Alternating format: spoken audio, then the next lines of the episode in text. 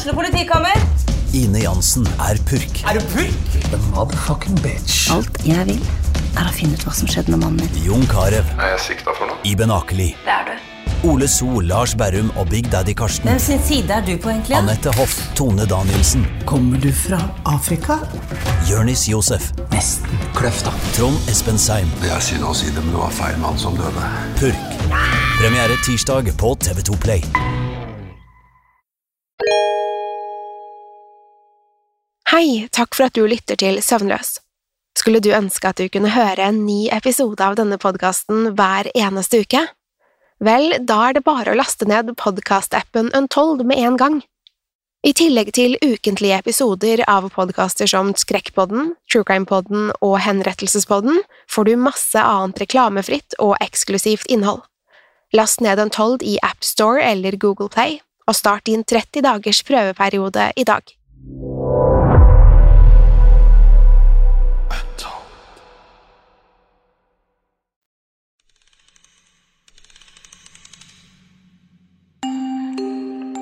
Om du har planer om å sove og drømme søtt i natt, er dette ikke podkasten for deg. Hvis du er lettskremt, lett påvirkelig eller har søvnproblemer, bør du styre unna akkurat denne. Om du likevel vil ta sjansen, eller er på utkikk etter en unnskyldning for å ikke sove, så har du kommet til rett sted. Om du velger å bli, er du herved advart. Velkommen til Søvnløs.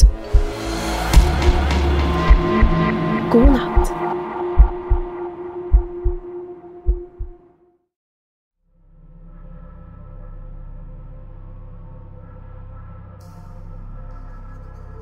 Under den tredje runden med oppkast av natten forsto jeg plutselig hva som foregikk. Idet det føltes som alt jeg noen gang hadde spist var på vei opp igjen, var det som om alt ble klart for meg. Han prøvde å forgifte meg. Det var så elegant, så perfekt, så åpenbart.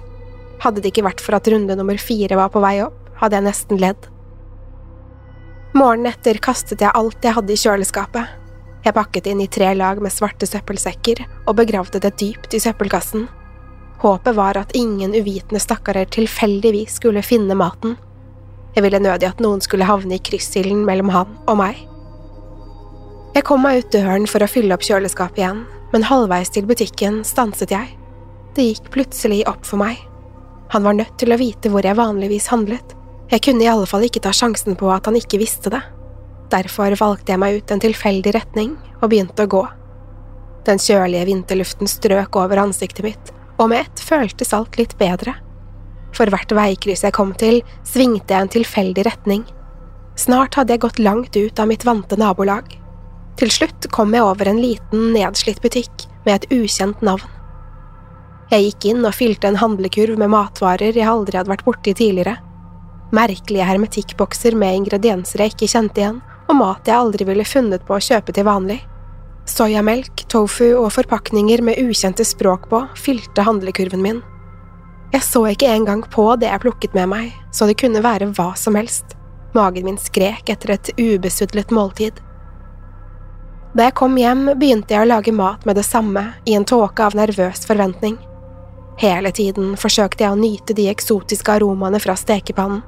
Det smakte rent, men når sant skal sies, var det ingenting av det jeg hadde spist tidligere som smakte forgiftet. Jeg prøvde å overbevise meg selv om at smertene i magen min kun skyldtes frykt og angst. Likevel hang jeg over toalettskålen igjen før kvelden var omme. Dagen etter pakket jeg sammen resten av maten og kastet den også. Nok en gang var jeg nøye med å pakke den godt inn. Den kvelden spiste jeg på en restaurant på den andre siden av byen, selv om lommeboken min ikke tålte det. Han var smartere enn jeg trodde. I frykt og panikk tilbrakte jeg enda en søvnløs natt med hodet i skålen. Mens jeg lå skjelvende på det kalde badegulvet, så jeg for meg algoritmen, modellene han måtte følge for å kunne forutse hvor og hva jeg spiste. Han fulgte meg over hele byen. Hver gang jeg trodde jeg hadde overlistet han, gikk jeg rett i en av de briljante fellene hans. Jeg kjøpte en liten sjokolade fra en salgsautomat og holdt den tett til brystet som en talisman. Da jeg kom hjem, fylte jeg badekaret med et par centimeter rustrødt vann. Så holdt jeg sjokoladen under vannet og klemte forsiktig på den. Jeg visste hva som kom til å skje. likevel ble jeg knust av fortvilelse da jeg så de små boblene som steg opp. Noen hadde stukket et lite hull i papiret, og jeg visste det måtte være han. På det tidspunktet var jeg så sulten at jeg overbeviste meg selv om å ta en liten bit. Det var en risiko jeg ikke burde ha tatt. Rundt midnatt lå jeg igjen i en krøll på badegulvet. Mens jeg gulpet opp små biter av sjokolade, så jeg for meg fremgangsmåten hans. En hær av hans trofaste følgere som marsjerte gjennom restauranter og ferskvareavdelinger mens de besudlet maten. De korrumperte og ødela på hans kommando før de forsvant sporløst i bybildet. De ville alltid være et steg foran meg. I alle fall til jeg lærte meg å tenke nytt og fant en ny måte å snu det på. Det var mitt eneste håp. Den første dagen i mitt nye liv tilbrakte jeg i stuen. Jeg prøvde å organisere tankene mine og gjenopprette fabrikkinnstillingene mine, som min IT-lærer ville sagt. Det var en lang og smertefull prosess. Den natten var jeg like kvalm og spysyk igjen. Denne gangen kom det ikke annet enn vann og halvfordøyde piller opp.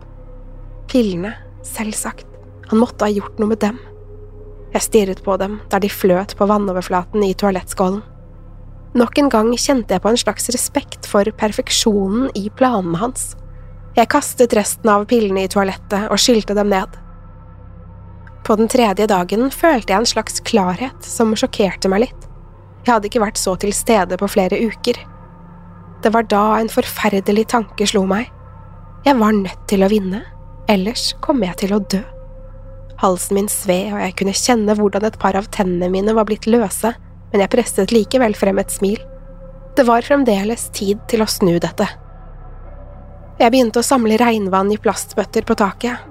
Sannsynligheten for at en av hans lakeier satt inne i rørene i den gamle bygningen og forgiftet vannet, var relativt stor. Jeg sluttet å dusje, som egentlig ikke var noe stort problem. Jeg hadde uansett ingen jeg skulle møte som kom til å lukte meg. Regnvannet ville holde meg i live en stund, men jeg måtte finne en måte å spise på. Svaret kom til meg sakte, men sikkert over de neste dagene. Da jeg sto i speilet og vrikket løs på en tann, klappet kjevene mine plutselig sammen.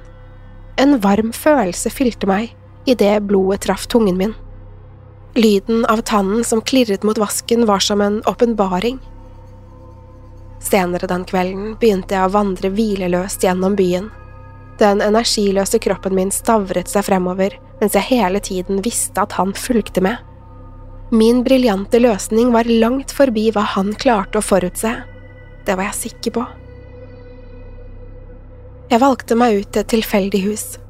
I et siste forsøk på å overrumple algoritmen snudde jeg på trammen og gikk mot huset på motsatt side av veien. Gjennom mørket myste jeg mot postkassen for å se navnet. Det var som jeg hadde håpet. I huset bodde det en enslig person. Den stakkars mannen ble overrasket over å se et ukjent fjes på dørstokken. Ansiktet hans ble fylt med frykt da jeg presset meg inn i huset.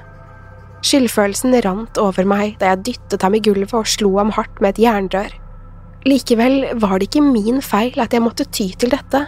Det var han. Han hadde tvunget oss inn i denne situasjonen, og den stakkars mannen var bare enda et av hans mange ofre. Jeg fortet meg å partere mannen slik jeg hadde lært å gjøre det på jaktturene i fjellet da jeg var ung. Det meste av kjøttet pakket jeg inn i matpapir og la i sekken, men jeg sparte en bit til turen hjem. Organene mine skrek av lykke da jeg satte tennene i det blodige kjøttet. Så snart alt var pakket ned, tente jeg et lite stearinlys i overetasjen og skrudde på gassovnen på kjøkkenet. Jeg hadde ikke engang rukket å komme hjem før jeg hørte smellet i det fjerne. En lysende flamme steg over byen og ble snart erstattet med en svart sky. Sirener fylte natteluften resten av den kvelden. For første gang på over en måned sov jeg godt. Kroppen min kom seg raskt mens rent, ubesudlet kjøtt fylte magesekken min. Jeg er ikke helt frisk ennå, men etter et par måltider til vil jeg endelig være klar for å møte ham igjen. Jeg vet at jeg kan overmanne han nå. Algoritmen hans kan kun forutse det jeg gjorde før, da jeg fremdeles var bundet av andre menneskers lover og regler. Det er jeg ikke lenger. Den tiden er forbi, og jeg er endelig fri.